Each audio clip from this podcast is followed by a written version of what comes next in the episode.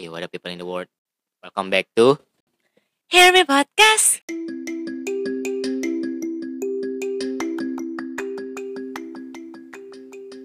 Hi, welcome on here. This podcast hosted by me, Muhammad Aji.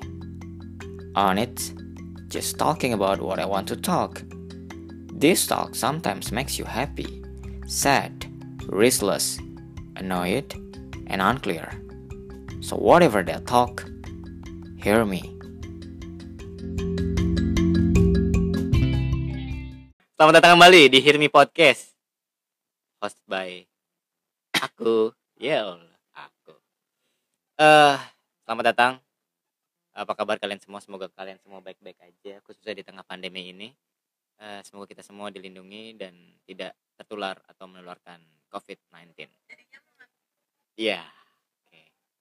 Dan tidak menjadi suatu polemik lagi antara simpang siurnya berita eh, supaya kita semua eh, dipersatukan dalam eh, slogan Bhinneka Tunggal Ika. Udah ngalor ngidul aja. Em, sudah hadir di tengah kita akan membahas bahas atau bertukar pikiran tentang suatu polemik-polemik yang sudah terjadi di eh, bumi pertiwi ini eh, supaya nantinya bisa dipecahkan dan didapatkan solusi yang baik. Ada dua kerabat saya dari rekan satu kampus dan mereka adalah orang-orang penting juga, orang-orang yang terkenal akan suatu kebijakannya saat mereka menjabat. Dan eh, argumentasinya juga tentang eh, apa kalau ini? Kalau lu ngomong langsung. Improvisasinya. Bener gak gue bener. Bener bener. Bener banget kan? bener banget oke. Dan ada Jaya. Halo Ji. Aduh ini udah lama banget ya. hafalan banget ya. template. Template. Template jangan kayak gitu. Cuma emang kayak gitu itu namanya ada tata krama juga hadir di tengah kita untuk pembahasan kali ini ada ada Irmawan. That's right. Halo semuanya, salam kenal gue Ade. Aduh, ada apa nih? Lemes banget tuh Ben. Kan ada santai santai. oh santai. Oke oke. Santai. Relax aja ya. Ini nggak masuk TV juga kan? Ayo, iya, santai. Kita nggak akan terkenal kok di sini. Eh, gimana Bre? Apa kabar nih kalian semua? Kita udah nggak ketemu selama satu tahun belakangan ini ya? Satu Iya. tahun setengah sih lebih tepat oh kenapa? Kok bisa satu tahun karena kan gue lulus tiga setengah tahun. Oh sorry Kalau-. Kalau gue lama. setahun lah ya. Oh, Enggak, iya. kalau lu gue berdua lebih lama dari kalau gua. gue ketemu Wijaya nggak ketemu baru enam bulan lah ya. Karena kita pernah dalam satu struktural walaupun dia nggak kerja sama sekali sih. ada curhatnya juga di sini karena gue nemenin ketua yang nggak kerja juga jadi FYI FYI FYI ya iya bener kan FYI Jaya ini terbilang lulusnya cepat dari kita kita ini dari gue dan Ade karena Kayak itu pembahasannya enggak Enggak kita harus Oh, iya, introduce oke, dulu oke, biar orang-orang tahu Jaya ini karena siapa sih? Oke itu dia. Dia langsung yang ngomong sendiri. Dan karena dia nggak ngapa-ngapain juga sih di cabang amanahnya. tapi sebenarnya kalau kuliah kan harusnya bener 4 tahun bro. Jadi yang bener tuh ya kita ya dek. Bener? Kita kita sih yang paling kita yang benar kita yang sesuai Rules. rules rules yang asumsinya salah bukan kuliah tuh 4 tahun. Cuma Jadi- kuliah tuh harus memenuhi SKS yang ada. Cuma SKS yang ada secara perhitungan waktu let's say rata-rata 4 tahun. Oke. Konteksnya harus begitu bos. Jadi pertanyaan adalah waktu itu kok bisa lu lulus tiga setengah tahun? Karena udah selesai semua.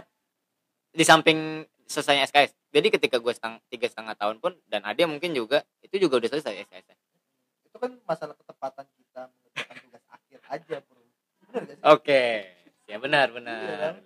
jadi benar Lo yang tadi. start bareng sama gua ya kan ngerjain tugas akhir cuma kan mungkin secara improvisasi ulet Oh. dan giginya lebih gua lah gitu. oke tapi kan kita ngerjain bareng bukan gitu sih nggak gua sendiri gue tinggal sama lu oke lah itu rahasia yang tidak bisa dibocorkan lah ya Iya, itu ada tekniknya semua orang mau punya tahu tekniknya gimana dong oh, udah. Bisa selanjutnya. enggak datang ke podcast gua oh ada lagi oh, lu ada podcast juga ya? belum oh. Oke oke oke.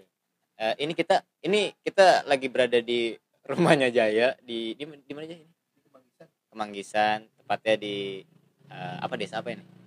Desa. Wonosari ya? Wonosari apa? Palmerah Palmer kecamatan Batu Tulis. Batu Tulis. Gue percaya lagi kan? Kecamatan Palmerah kelurahan Kemanggisan. Ini udah masuk Jakarta Barat. Yes. perbatasan antara Jakarta Barat sama baratnya Jakarta kalau ada nih masih terbilang kos ya deh Oh iya pasti. Di mana sih, Dek? Lu ngekos di mana sih? Di Ciputat dong. Di Ciputat. Ladang perjuangan gue waktu itu. ladang perjuangan lo. dan lahan-lahan basah kalian Gua- itu gua ya sih. Ah, iya, oh lo iya, lo iya. oke sorry Terima kasih mahasiswa. Membantu. membantu kami hidup maksudnya. iya iya oke oke gimana gimana kalian eh, ada suatu keluh kesah kah atau apa karena di podcast ini adalah suatu eh, apa ya hal yang bisa kalian ungkapkan bisa di sini atau kalian mau curhat atau kalian bisa untuk membahas. Satu. Kalau gue bilang gak ada habis gak podcastnya habis sih habis. Enggak enggak ya, tetap bakal ada. Ngomong-ngomong ngomong-ngomong eh eh kita maksud gua susah banget yang kayak katanya jadi kita santai aja lah ya. Oke santai santai aja. gak Santai. usah formal. Ngomong-ngomong tentang eh, bicara wabah. Bicara ya bicara-bicara soal pandemi ini nih covid. Gimana nih? Eh, apa kabar di Jakbar ini? Apakah zona merah kah? Atau zona hitam yang seperti yang ada di Surabaya atau gimana? Apa aman di sini? Relatif aman?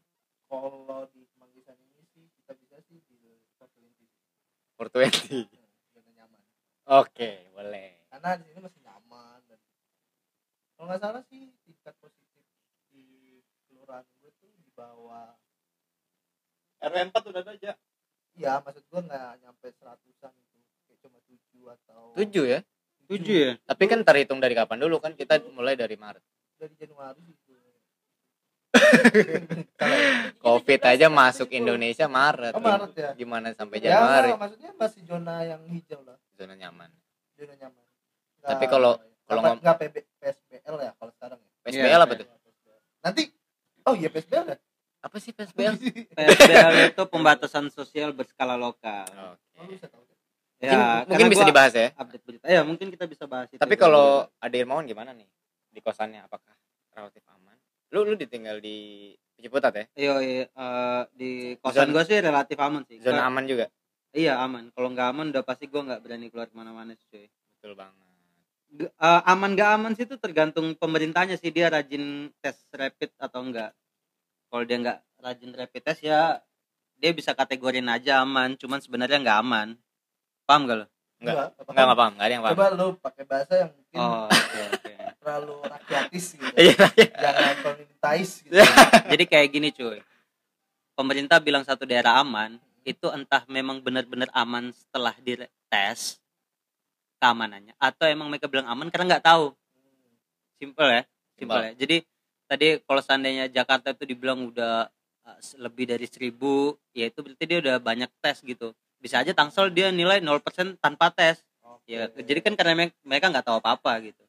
oke jadi gue boleh na- nanya gak sih enggak apa-apa nanya aja nanya ke siapa dulu ke gue Nanya ke atau Ade. oh kenapa kan kenapa izinnya ke gue ya teman kita ini kan ya masuk kategori apa nih ring satu DKI lah ya mungkin kevalitan Ya. informasi yang dapat kita bisa trust gitu kita nggak usah eh, introduce lagi ya mungkin orang-orang sebagian tahu kita nggak usah Nah, introduce kalau lagi lah orang-orang circle kita tahu cuma circle podcast tuh kayaknya nggak tahu tapi mungkin dengan jalannya podcast kita nanti ini orang bakal tahu.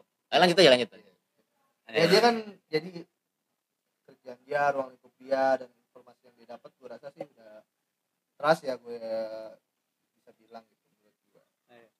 cuma gue pengen tahu aja sih sebenarnya gimana sih data DK ya gue ambil scoop DKI aja ya biar kita tuh nggak ke mana-mana gitu jadi biar jelas.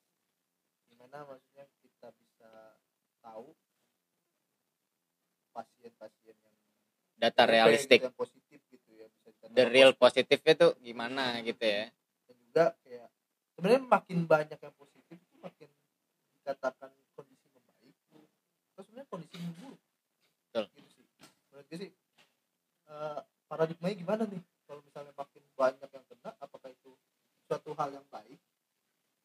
Atau juga itu sebenarnya malah eh, parah gitu nyambung juga tadi apa yang disampaikan tadi gimana deh apa ya? Kalau gua bisa bilang sih teman-teman biar lebih valid tanpa ngeliat berita ini kalau nggak percaya sama berita bisa langsung buka ada websitenya itu corona.jakarta.go.id semua update tentang corona di DKI itu ada di situ sih. Terkait dengan semakin banyak positif itu apakah semakin baik? Ah, yang jelas tentu enggak ya cuman WHO itu bilang seminimal mungkin itu setiap daerah itu harus seribu tes seribu rapid test per hari. Kalau dia udah nyampe seribu rapid test per hari mau itu makin banyak mau itu enggak seenggaknya itu udah lebih baik lah. Karena lebih banyak yang ketahuan gitu loh. Lebih banyak yang ketahuan. Tinggal pasca dari dia rapid test itu angkanya menurun atau enggak. Kalau lihat epi kalau lihat DKI sekarang kan pasca lebaran itu malah meningkat cuy. Oh iya. Dia. Meningkat ya Anies itu kan bilang waktu itu janjinya itu PSBB yang ketiga itu PSBB yang terakhir sampai 4 Juni itu. Tapi sebenarnya terakhir nggak terakhirnya itu tergantung warganya sih.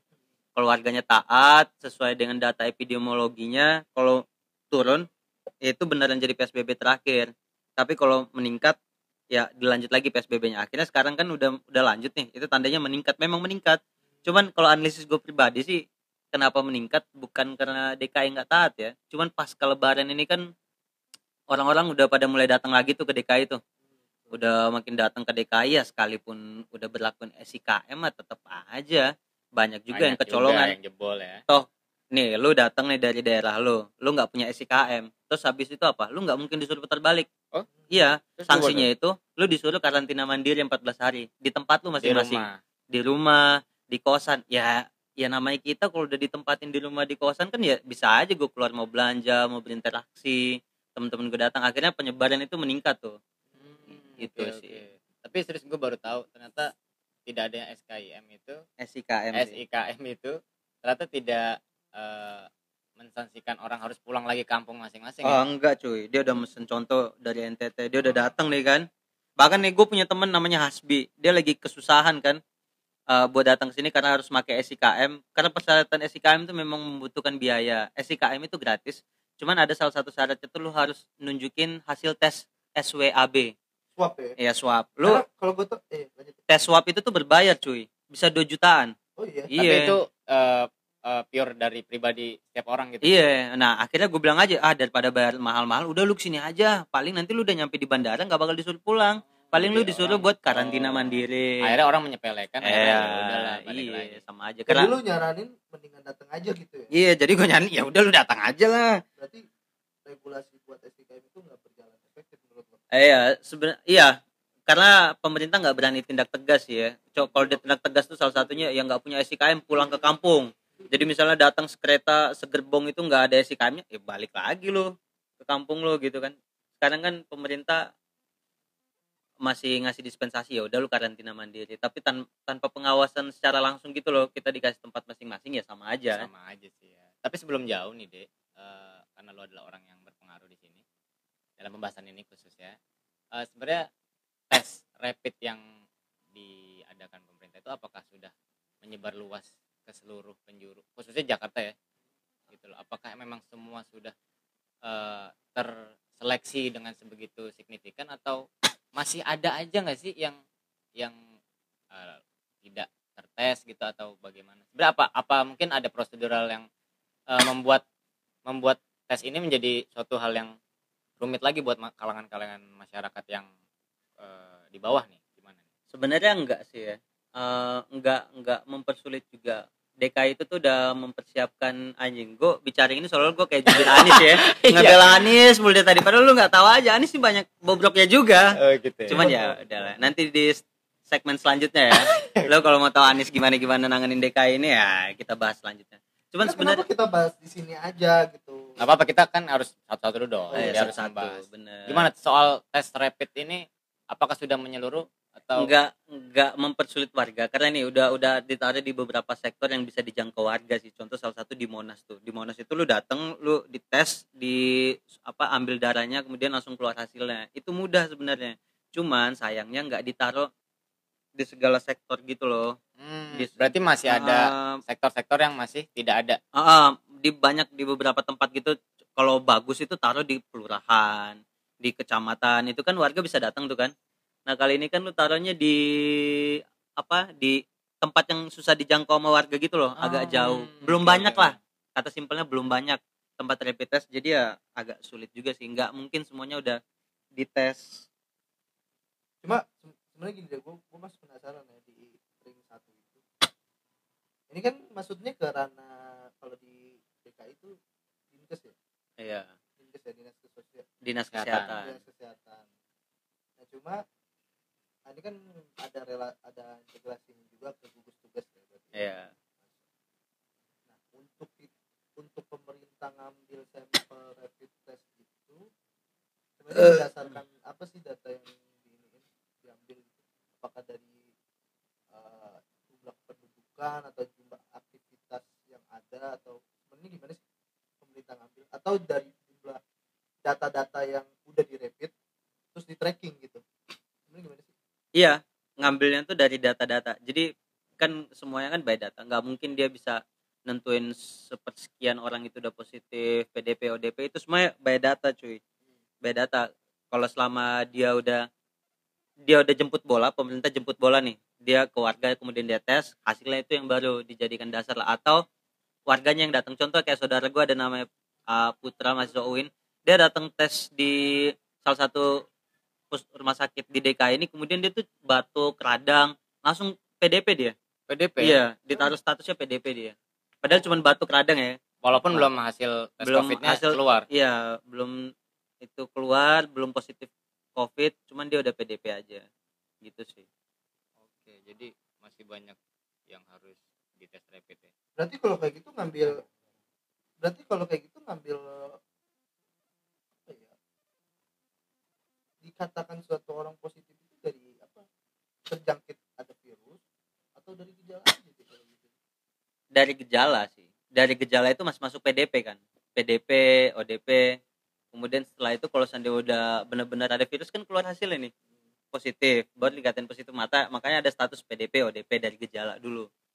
Iya Kalau- makanya ya tadi kata lu temen lu cuma batuk radang cuma dia positif kan Gitu. gejala tuh kan. Bukan positif gejala kan gejala yang menjurus ke corona makanya ditaruh status dia PDP gitu ODP kalau- kali mungkin ODP ya enggak segmen ini lo hapus ya Enggak, enggak usah. Enggak usah. Ini loh segmen yang pure.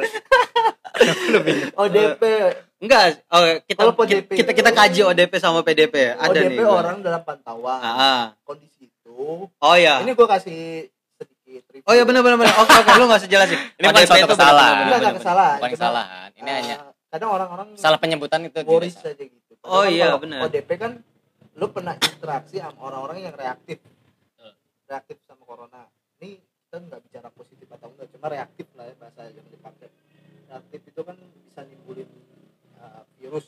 Sebab Uh, Nah, orang-orang ODP itu orang yang udah berinteraksi gitu. Nah, ketika dia udah dites, sudah ketimbul, oh ternyata dia reaktif juga, itu statusnya PDP. Mungkin kalau yang tadi bahasa gue yang salah, positif itu PDP. Kayak gitu sih menurut gue. jadi gimana? enggak oke iya benar benar cuman gue lurusin dikit Nah, positif itu bukan PDP lagi positif itu langsung masuk statusnya positif dia ODP PDP positif Oh, jadi ada positif sendiri. Iya positif sendiri. Makanya kan statusnya selalu ada tiga tuh kan, dan itu beda angkanya. Oke. Dari ODP yang tadi gejala, kemudian masuk PDP, PDP itu udah udah udah jadi tuh lu sakit nih. Makanya tuh namanya kan pasien Dalam, dalam pengawasan, udah pasien. oh, pasien. Kalau tadi kan pengawasan. orang, Ah, ODP. oke, oke, oke. Baru orang sekarang udah pasien kemudian menuju corona. Belum tentu positif PDP. belum tentu positif Ah, PDP. Cuman dia Cuman udah, pasien. 50% ke atas lah Udah, ada pasien. tindakan. Iya, betul. Jadi gue yang salah berarti. Gue yang salah. Nah, belum membenarkan diri tadi ya. Gue kira PDP itu positif, Ji. Nggak apa-apa. nggak apa-apa, apa-apa. Jadi sebenarnya dalam eh, pemeriksaan itu eh, tidak tidak melulu dilihat dari suatu gejala COVID yang awal itu ya dari ada demam yang suhu tubuh melebihi 37 derajat. kalau Iya. Karena fun fact-nya, Ji. Yang kena fun fact-nya itu, Ji. eh, orang-orang yang sebenarnya nggak nggak nggak nggak timbul gejala demam, pusing gitu. Cuma pas kena tes itu dia positif gitu, Ji. Jadi emang nggak nggak nggak jadi pakem juga, Ji, kalau misalnya nggak bisa jadi pakem juga ya. uh, gejala-gejala kayak yang commonly gitu yang yang umumnya gitu ya itu bisa dijadiin apa namanya acuan buat di rapid test Eh, ngomong-ngomong soal eh, pemeriksaan nih, mungkin ada lagi lebih tahu ya. Sebenarnya em, kayak pakar-pakar eh, kayak apa kalau pakar gitu ya ada ya? virologi. Virologi. Sebenarnya itu em, kayak kerjasama antara eh antara mereka dengan pemerintah atau atau emang pemerintah punya virologinya sendiri? Kerjasama sih.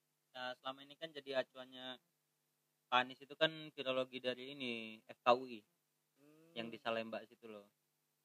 Nah, jadi emang bener sampai sekarang pun belum diketahui eh, karakteristik virus ini tuh fixnya tuh gimana gitu. Karena kan kita tahu selama ini yang eh, diberitakan tuh corona tuh ya eh, dari mulai penyebarannya, menginfeksinya itu kan terus diupdate tuh.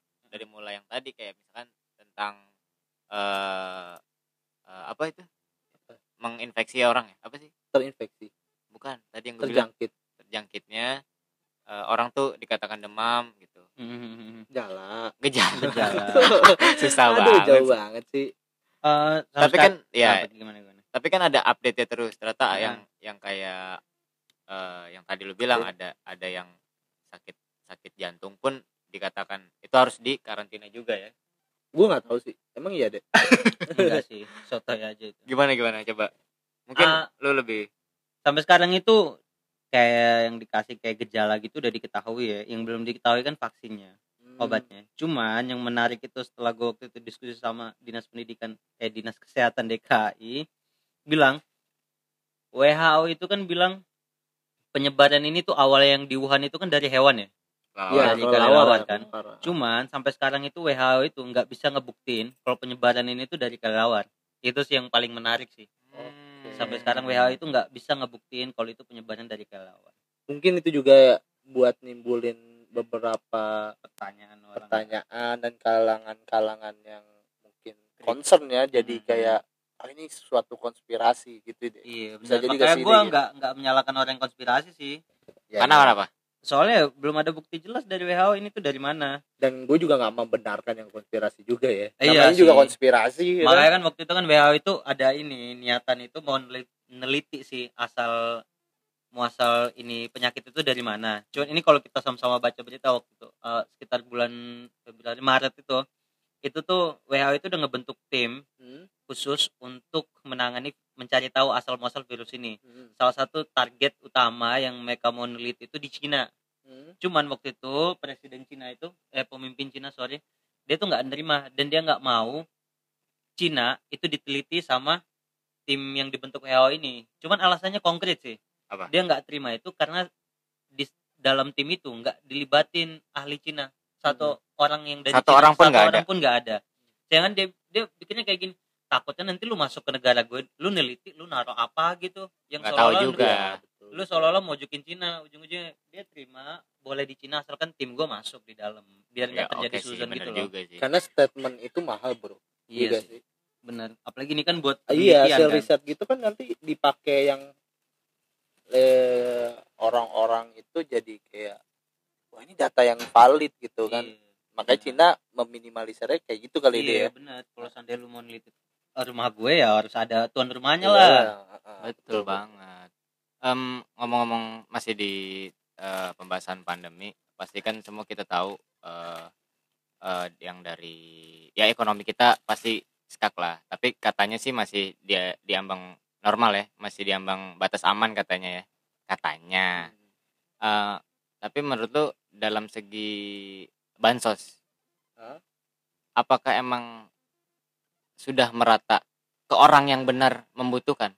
Karena eh, ada beberapa orang ketika dalam pandemi ini masih bisa menjalani kehidupannya seperti normal. Salah satunya ada adanya suatu usaha yang dibuat atau pekerjaan yang memang eh, masih masih relevan lah dalam penghasilannya. Tapi kan orang-orang yang benar-benar kayak pedagang atau sejenisnya. Ini kan mereka benar-benar eh, apa ya pasti bingung dong karena nggak ada nggak ada mata pencarian lain selain yang mereka eh, lakukan itu gitu jualan itu. Nah menurut lu bener nggak sih eh, semua bansos itu? Karena kita tahu berita di media itu kan simpang siur ada yang diberitakan sudah merata ada juga yang diberitakan eh, bansos mengendap di suatu gudang bla bla segala macam kita nggak tahu.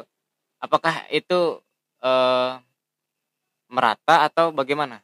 Ah mungkin kalau gue masuk sih bicara merata mungkin dari ini ya pelaku ya pelaku. Dalam hal ini mungkin lo lebih ke pemerintah daerah ya pemprov ya.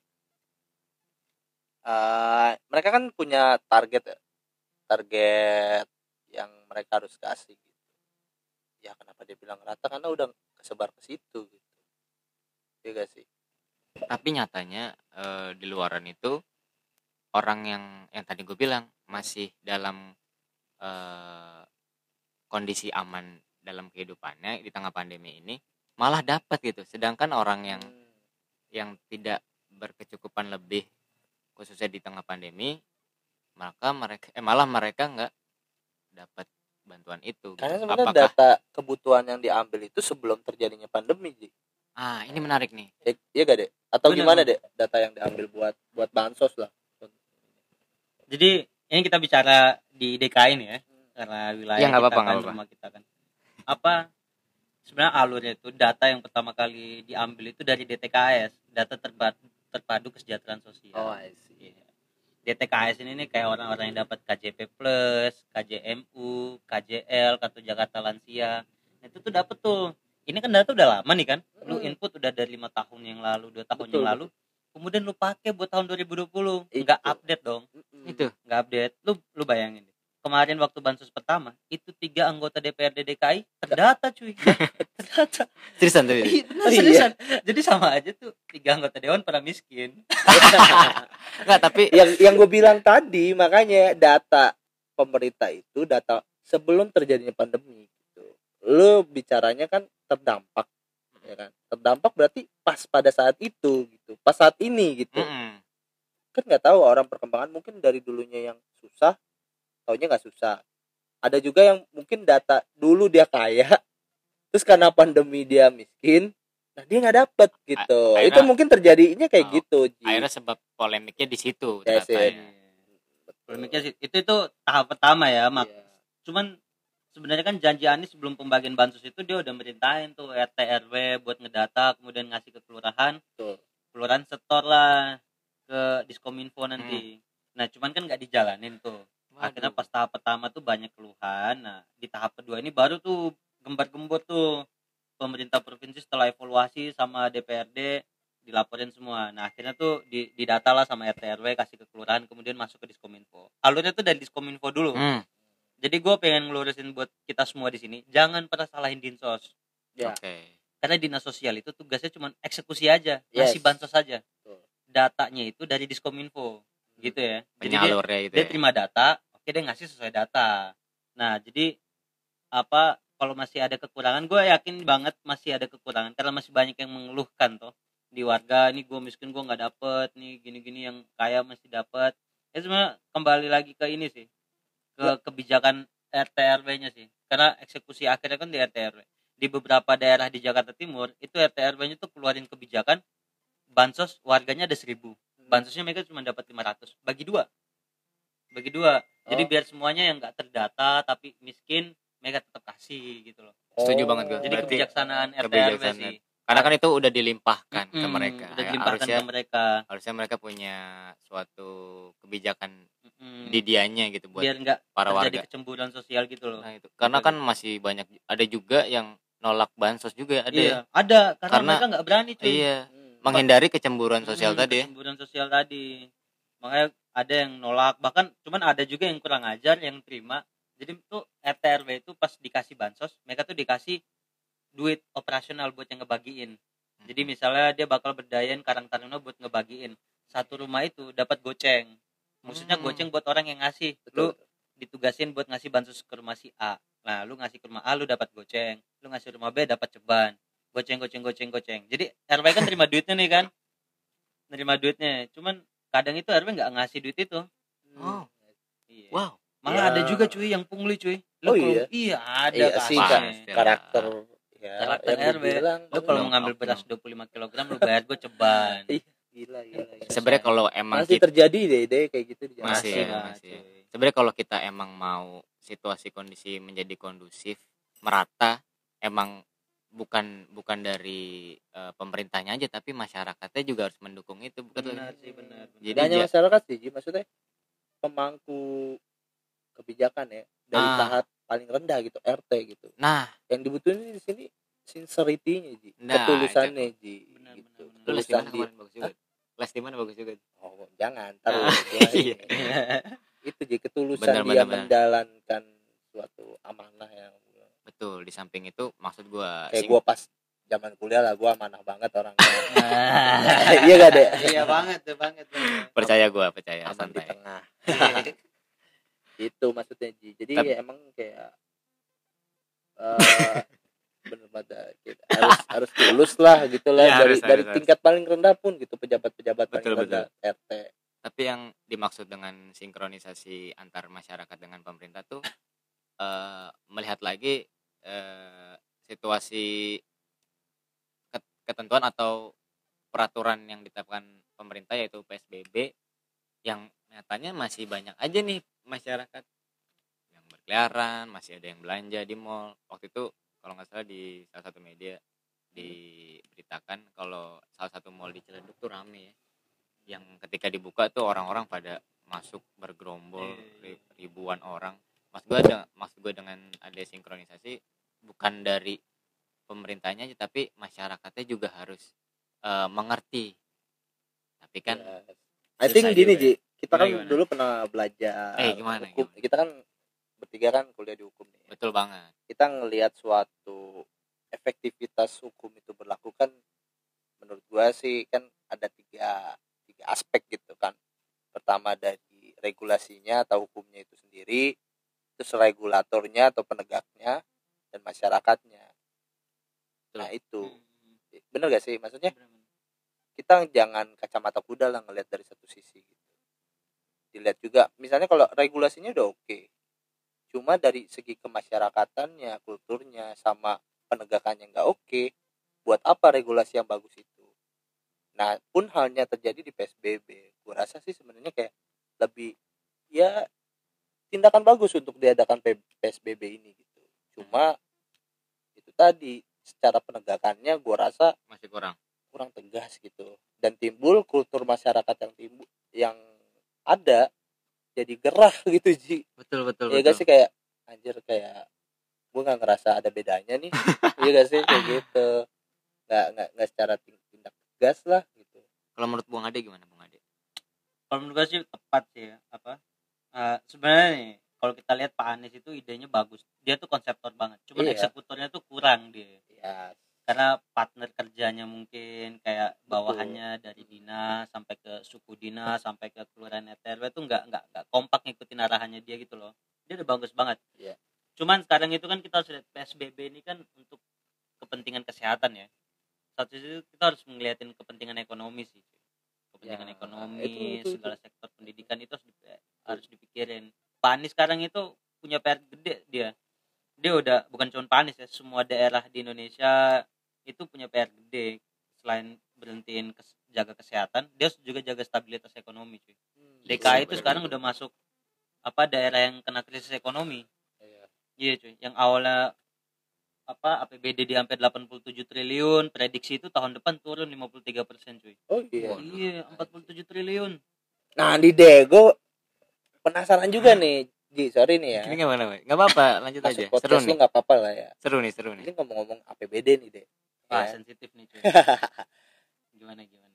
APBD kan sebenarnya eh, kita tahu kan ada prosedurnya gitu jadi iya iya. Ah, untuk setahun ke depan gitu. Mm, ini kan keadaan-keadaan yang termasuk force major ya iya yang betul. tiba-tiba ada di tengah jalan gitu. Sedangkan eh, APBD udah diketok ya Mm, yang buat tahun berarti ini masuknya tahun berapa 2020 ya? Eh, nah, ini kan udah diketok gitu. Sama lah kayak halnya APBN juga gitu kan. Nah sebenarnya gimana sih eh taktis pemerintah gitu untuk eh, nyiapin anggaran eh, khusus covid ini gitu deh? Maksudnya dengan dengan gimana gitu? Mungkin gua gua dulu nggak concern di tata negara atau administrasi daerah gitu ya. Sebenarnya bisa gua- aja ngambil tapi lu mungkin nggak Gua nggak sebenarnya- nggak nyampe otaknya. sebenarnya gua sebenarnya gua tahu. Oh cuma ini cuma jadi gua lebih mau data yang validitas Oke, aja oke, iya, gitu bener-bener. dari Ade nah, gimana, gimana sih deh coba coba bung ade di ngambil kebijakannya bi- bisa Oh, jadi iya. ada spare gitu buat buat covid ini gitu Jadi ada ada dana-dana di semua APBD itu kan contohnya DKI itu kan 87,9 triliun nih buat Wah, tahun gede 2020. banget. Itu terbesar di Indonesia cuy. itu kalau dibeliin bakso rakyat Jakarta dapat semua Banjir bakso DKI. Berenang tuh di atas bakso-bakso.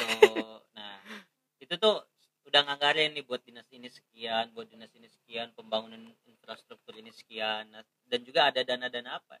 Dana dana taktis, dana tak terduga lah. Itu yang bisa dialihin tuh. Nah, semua proses pengalihan ini kan harus atas apa ya? persetujuan anggota dewan dan perlu kita perlu tahu semua DKI itu tuh nganggarin buat covid ini paling gede 10 triliun oh iya khusus Iya. DKI berarti Khusus hampir DKI.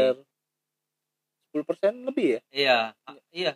Eh, Sepuluh persen lebih lah dia nganggarin itu 10 triliun itu. Itu tapi dibagi buat tiga sektor, ada buat sosial, bansos, ada buat kesehatannya, alat-alat kesehatan, ada buat ekonominya, pembangkitan ekonomi. Paling Masuk besar itu paling besar itu bansos, cuy.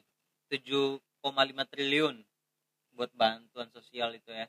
mantap Cuman sayangnya, sayangnya banget nih, gua nggak tahu sih itu dana dari mana ya.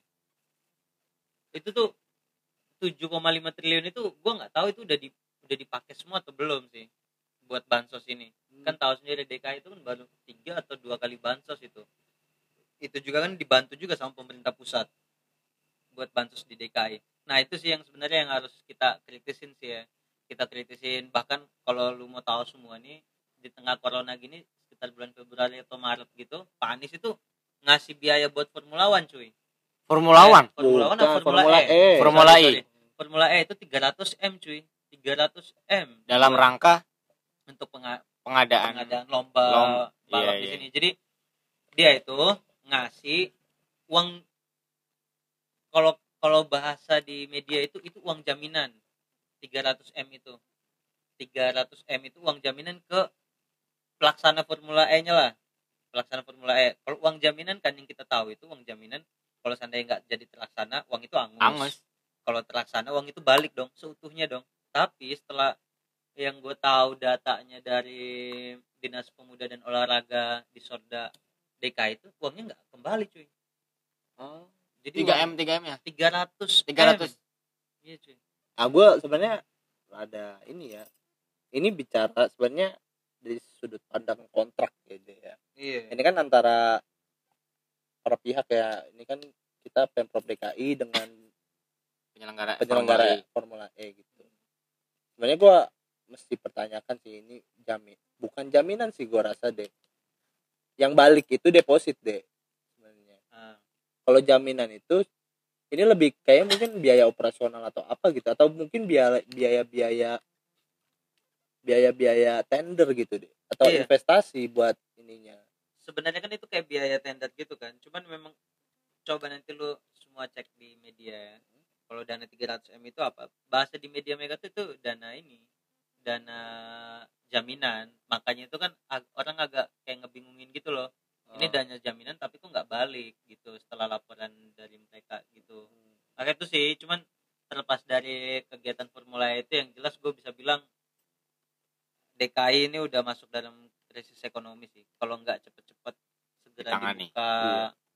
Diperhatikan ekonominya bisa bisa hancur nih DKI Mung- tahun depan. mungkin gini juga deh gue bukan ngebela Pak Anies nih cuma Hmm. dari sudut pandang pelaku kontrak aja gitu ya. Eji ya? Gimana pak? Menurut pakar Gimana, gimana, kontrak gimana? Eh, gitu. Belum pakar tapi amin lah ya.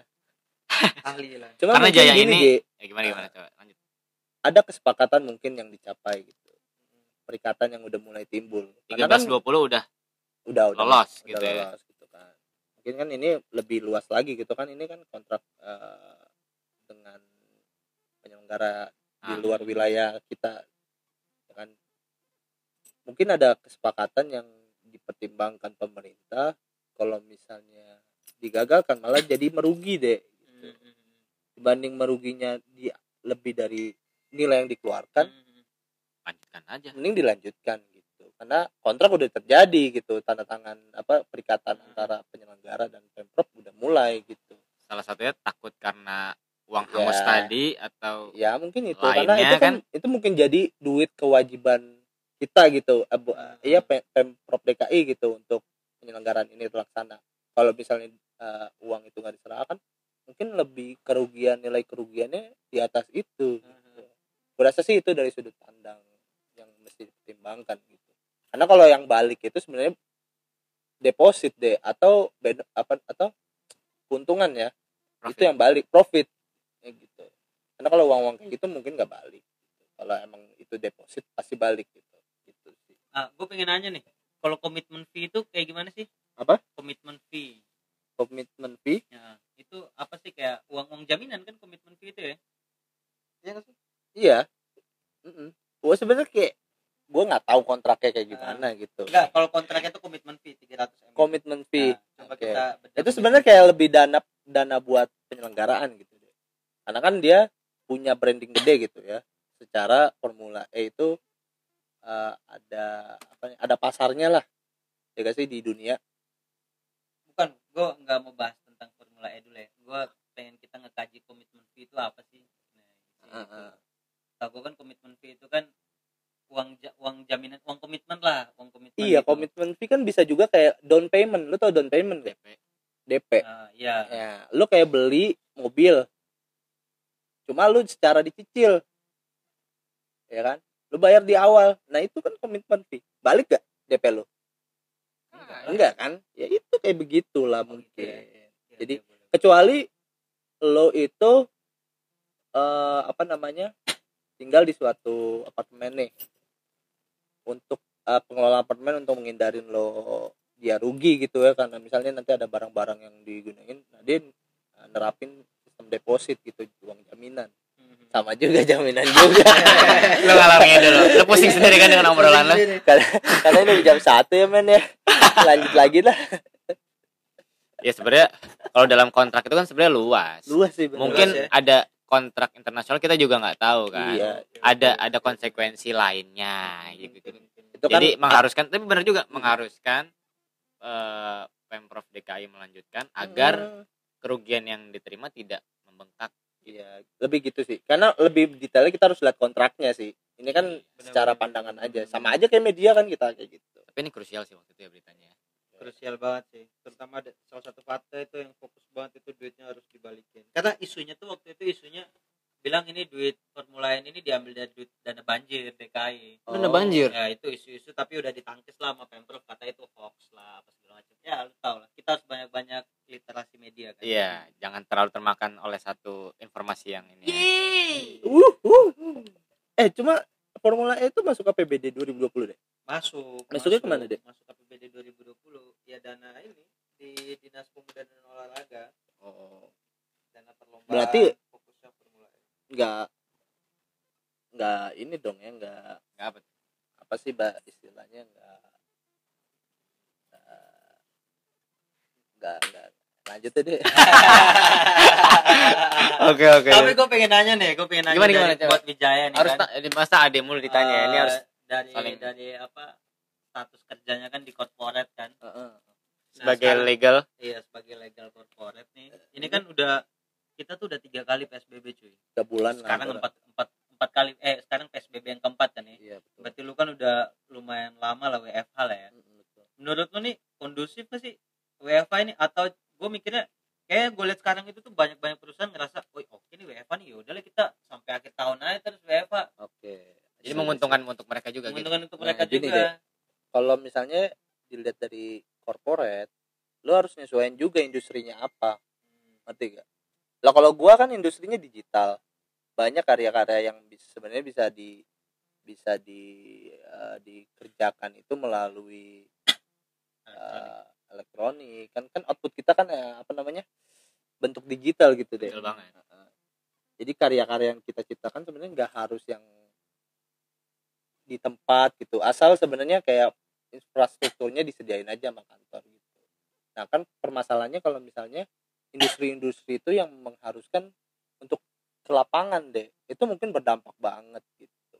Atau ya mungkin kayak di industri-industri UMKM yang langsung eh, antara customer dengan eh, produsennya itu langsung langsung bertemu gitu ya kan? Nah, itu berdampak gak sih? Langsung pekerjaan jadi langsung kayak ah ini nggak bisa dikerjain di rumah nih. Gitu. kalau kalau buat lu sendiri nih anak kantoran yang masuk pagi harus di absen pulang ada jamnya gitu kan? Lu seperti apa? Kalau istilahnya istilah kerennya apa ya? Budak. Budak lah ya. Iya, iya, iya. Lu sebagai budak atau budak legal? buruh ya Buruh. buruh buruh aduh buruh Iya, iya, Eh, iya. lu betah gak sih kira-kira WFH gini atau lebih enak kantoran gitu kan? kalau gua kalau Hmm. gua eh, tapi Di- positif negatif juga ya positif pro negatif juga nggak sih positif negatif positif negatif juga ya positifnya lah Mm, walaupun positifnya kita sebenarnya lebih ongkos lebih ini ya ongkos lebih ke- ketekan ya karena kan makan di rumah Iya. gitu dan nggak ada kos buat transportasi segala macam masalah komunikasi sebenarnya bisa diatasin dengan banyak kan platform-platform yang bisa meeting dengan- kapan pun ya, waktunya benar. gitu. Cuma kadang kan sense kita untuk bicara Iya, bisnis betul, betul. antara bertemu langsung dengan klien eh, atau iya klien atau apa secara langsung atau atau secara virtual itu kan beda pasti. Walaupun presentasinya kecil gitu itu sih merasa cuma Hmm. itu eh apa namanya ya lebih ke manajemen diri juga sih kalau kayak betul gitu. betul. Eh, ngomong-ngomong psbb nih eh, kita kan khususnya DKI udah mulai perpanjangan lagi deh ya. Perpanjang lagi, tapi transisi. transisi. Ah eh, menurut lu eh, ada suatu dampak nggak sih dari suatu adanya khususnya di era digital ada sosial media Iya. jadi suatu dampak nggak sih jadi pengaruh negatif adanya pembatasan sosial Eh, sa- salah satu contoh kalau gua ambil eh, yang kita tahu dari adanya kumpul-kumpul McD Sarinah full kebo nah. Oh, bukan ya. jadi eh, waktu itu Sarinah McD Sarinah itu sebagai franchise McD pertama di Indonesia itu kan tutup untuk selamanya kan mungkin Mm, karena ya karena COVID-19 akhirnya kan disebar sosial media tuh yang banyaknya Sampai- orang-orang di sampai datang sana. iya dengan tidak menertibkan eh, prosedural PSBB protokolnya. protokolnya. Akhirnya kan mungkin ya disebar orang tahu. Akhirnya orang-orang juga merasa oh ini orang-orang aja kumpul. Kenapa gue nggak bisa? gitu. Akhirnya kan mereka menimbulkan rasa pengen. eh, pengen juga gitu. Akhirnya Hmm. ya udahlah gue keluar aja nih kenapa gue nggak bisa dia aja bisa. Menurut lu gimana nih sebagai? Sebenarnya balik lagi sih jangan lo ngerasa sia-sia lo udah ngejalanin WFA atau lo social distancing di Yes. rumah gitu. Makanya dengan lo sebenarnya lo di rumah lo harus mengakui lo tuh udah ngebantu. Iya gak sih? Mungkin kalau misalnya lo berpikirannya sama angka yang terjadi sekarang mungkin lebih naik lagi gitu betul betul. Jadi nggak ada kata oh gue sia-sia nih. Orang gue sia-sia nih udah tiga bulan WFH ternyata orang masih banyak keliaran. Ya kalau lu berpikir kayak gitu lu sama aja kayak mereka. Ya gak sih? Jadi ya pada nilai nilai ah nilainya pada akhirnya kan orang yang seperti itu ada juga di luar sana. Akhirnya keluar juga keluarlah Iya. juga gitu. Akhirnya tidak menekan pembatasan sosial distancing. Akhirnya banyak juga setelah adanya tragedi di Sarina terus ada lagi cuma abis itu kan McD uh, Didenda. manajemen McD udah denda jadi ya. Tapi denda sama Pak Anies cuma 10 juta karena regulasi yang mengatur ya. Ya juga sih iya. Kalau emang ya balik lagi kalau emang pro, apa regulasi yang mengetatkan yang apa ya lebih lebih meng, apa sih udah jam satu. Jadi jam satu. Eh, lebih ini lagi ya lebih tegas. tegas lagi mungkin bisa patuh juga karena kan sebenarnya hukum itu kan sebenarnya harus mengikat. Ya jadi ini juga sih kalau misalnya terlalu ini jadi hukum nggak boleh harus yang ketat banget juga sih. Karena kan prinsipnya kita aspeknya- sama di di mata hukum kita sama kan Ya. asasnya kan kita sama di mata hukum. Apa tuh istilahnya dalam bahasa Belanda? Ah, udahlah. Oh iya. Udahlah. Iya, Equality before the law, bener Ya kan? banget. kita kan sama di mata hukum betul banget betul banget mau orang yang tinggi atau orang yang rendah itu dipandang sama ketika misalnya lu bilang tegas dalam artian lu perspektifnya karena lihat orang tinggi itu anggaplah tadi Negeri Satina gitu Hmm. itu kan dia secara kapasitas 10 juta kecil gitu cuma kalau misalnya lu mau tingkatin dendanya nanti kalau misalnya ada hal yang orang-orang yang kecil gitu itu terkena mampu gak dia untuk bayar itu makanya mungkin diambil margin yang yang lebih lebih- menengah eh, tengah-tengah dapatnya. Ya mungkin lebih mendekati keadilan juga gitu kesejahteraan dan kepastian hukum yang ada. Kira-kira gitu. Betul banget. Tapi ngomong-ngomong soal ah PSBB gue lagi. gue eh gue gimana, nanya nih dek. Ah, ah. sekarang kan ada istilahnya psbb transisi. Ah, baru mau nanya. Oke lu Ah, lo lo mau nanya juga Oh, ya? sama sorry kan sorry gue hijack. Ada psbb transisi deh Hmm. lalu apa bedanya sih psbb ketiga psbb yang yang ada gitu. Jadi kayak gue bertanya-tanya juga anjir kenapa ada apakah ini PSBB part transisi gitu? 2 Maksudnya, atau ini konsep PSBB baru lagi gitu? atau lebih kayak mempenghalus oh udah psbb psbb udah mulai dikendorin gitu kali. Ah, iya. Gitu kali ya atau gimana deh Jadi kalau bahasa santainya PSBB transisi ini PSBB udah mulai dikendorin lah. Oh, gitu ya? Kalau PSBB tahap 1, 2, 3 itu kan benar-benar soal eh melockdown virus lah ya, memberhentikan penyebarannya, fokus ke kesehatannya. Kalau PSBB transisi ini ini Pak Anies sudah mulai fokus nih, bukan cuma merhatiin kesehatannya tapi ekonomi juga, pendidikan juga, religius spiritual juga. Jadi PSBB awalnya kan benar-benar dibatasi nih. Perusahaan nggak boleh buka kecuali 11 sektor yang boleh buka. Nah, sekarang nanti ada fase-fasenya. Di tanggal segini perusahaan udah mulai buka. Di tanggal segini pendidikan udah mulai buka. Di tanggal segini perusahaan udah mulai buka. Di tanggal segini pasar udah mulai buka. Walaupun masih terbatas juga ya? Walaupun masih terbatas. Ada ada eh, protokolnya itu di sesuatu tempat tuh berkumpul ramai maksimal itu 50% jadi awalnya karyawan lu tuh ada 30 mungkin Yang dipekerjakannya, ya, 50%. El- eh, ya 50% lah dari kayak biasanya intinya gitu sih PSBB transisi itu kita menuju new new normal normal tapi belum dibebasin sepenuhnya loh oh oke oke oke oke oke insight oke baru juga Ji buat gue. That's right. Oke ada iklan. Oke mungkin eh apa ya eh, di tengah COVID-19 ini banyak banyak hal yang eh, harus atau kudu. Di di.